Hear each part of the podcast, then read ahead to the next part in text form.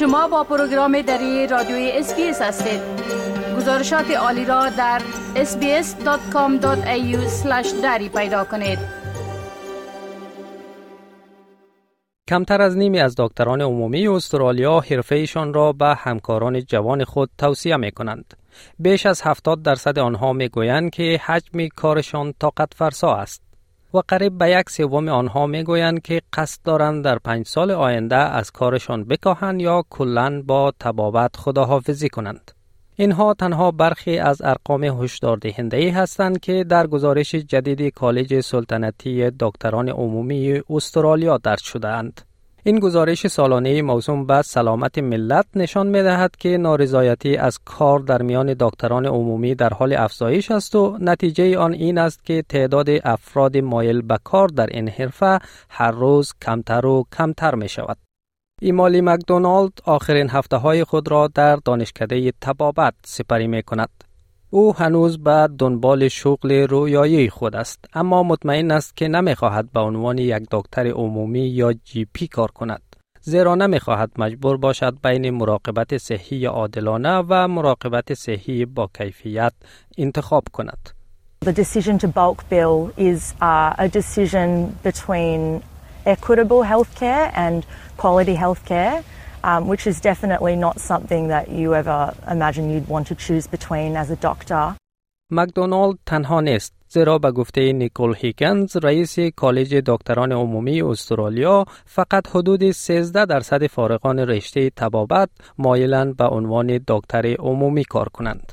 We have seen that only 13.1% of our new medical graduates are choosing general practice as a career. So, some of the challenges that have been raised in our Health of the Nation report are around our workforce, the pipeline from the start to the end.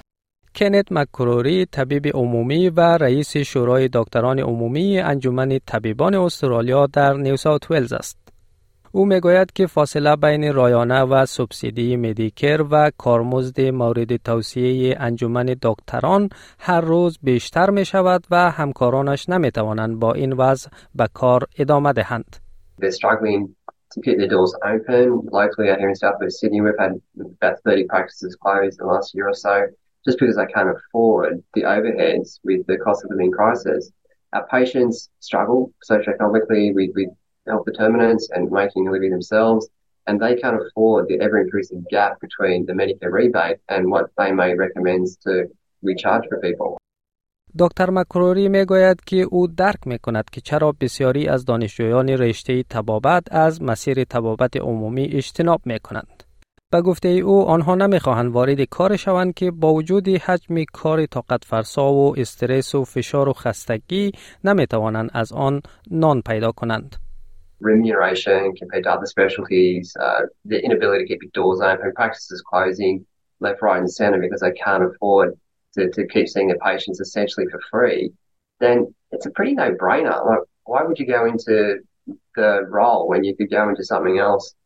You know, less stress, less pressure, more remuneration, more enjoyment perhaps, less burnout. Um, yeah, it, it's a no brainer. دکتر هیگنز می گوید برای اینکه افراد بیشتری پس از فراغت وارد این حرفه شوند انگیزه های مالی بیشتری نیاز است. With respect to our young doctors, what we're calling on is investment in our young GPs. Let's make sure that they have access to paid parental leave, to study leave, that they have parity with their hospital colleagues. در همین حال مارک بطلر وزیر صحت فدرال با اشاره به سه برابر شدن مشوق های بولک بیلینگ در بودجه سال جاری مالی تأکید می کند که حکومت فدرال به تلاش های خود برای بهبود سیستم مدیکر ادامه خواهد داد. I'm very confident that practices right across the country are changing their behaviour around bulk billing because of this historic investment. But that, those data will be uh, published in a very transparent, very regular way by our government uh, over coming months. دکتر مکروری موافق است که حکومت مبلغ هنگفت را روی مشوق های فعلی بولک بیلینگ و برنامه مای مدیکر سرمایه گذاری کرده. اما می‌گوید که مشکل اینجاست که این سرمایه گذاری اصلا کافی نیست و خیلی دیر از راه رسیده است. The government has invested a significant amount of money in the current bulk billing incentives and, and the My Medicare program. The problem is it's, it's not enough. It's nowhere near enough. And, it, and it's come a lot too late for a lot of my colleagues and a lot of the patients that they're trying to, to care for. کسانی چون ایمالی مکدونالد که در رشته تبابت تحصیل می‌کنند احساس می‌کنند که راه دیگری جز اجتناب از دکتر عمومی شدن ندارند. او می‌گوید هدفش از رفتن به تبابت این بوده که به جامعه خدمت کند و دانستن این که نمی‌تواند به عنوان یک جی پی این کار را بکند برایش روحیه کش است. It's really demoralizing to feel like um, what you're eventually doing uh, is going to be compromised in terms of um, impact on patients and things. I guess you go into medicine wanting to do the best that you possibly can for society. and for uh, all members of society. And yeah, if, if you're sort of unable to do that, it's definitely not appealing. Yeah.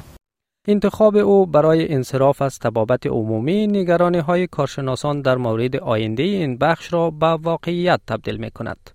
این کارشناسان می‌گویند که اگر تعداد دکتران عمومی در کشور کم شود و شکاف بین پول Medicare و فیس دکتران بیشتر گردد هجوم بیماران به بخش اضطراری و عاجل شفاخانه ها اجتناب ناپذیر خواهد بود. در این صورت بار اصلی به دوش شفاخانه های عمومی خواهد افتاد. من سام انوری هستم و این گزارش توسط روت مکیو دیلن و رایان تیمر تهیه شده بود.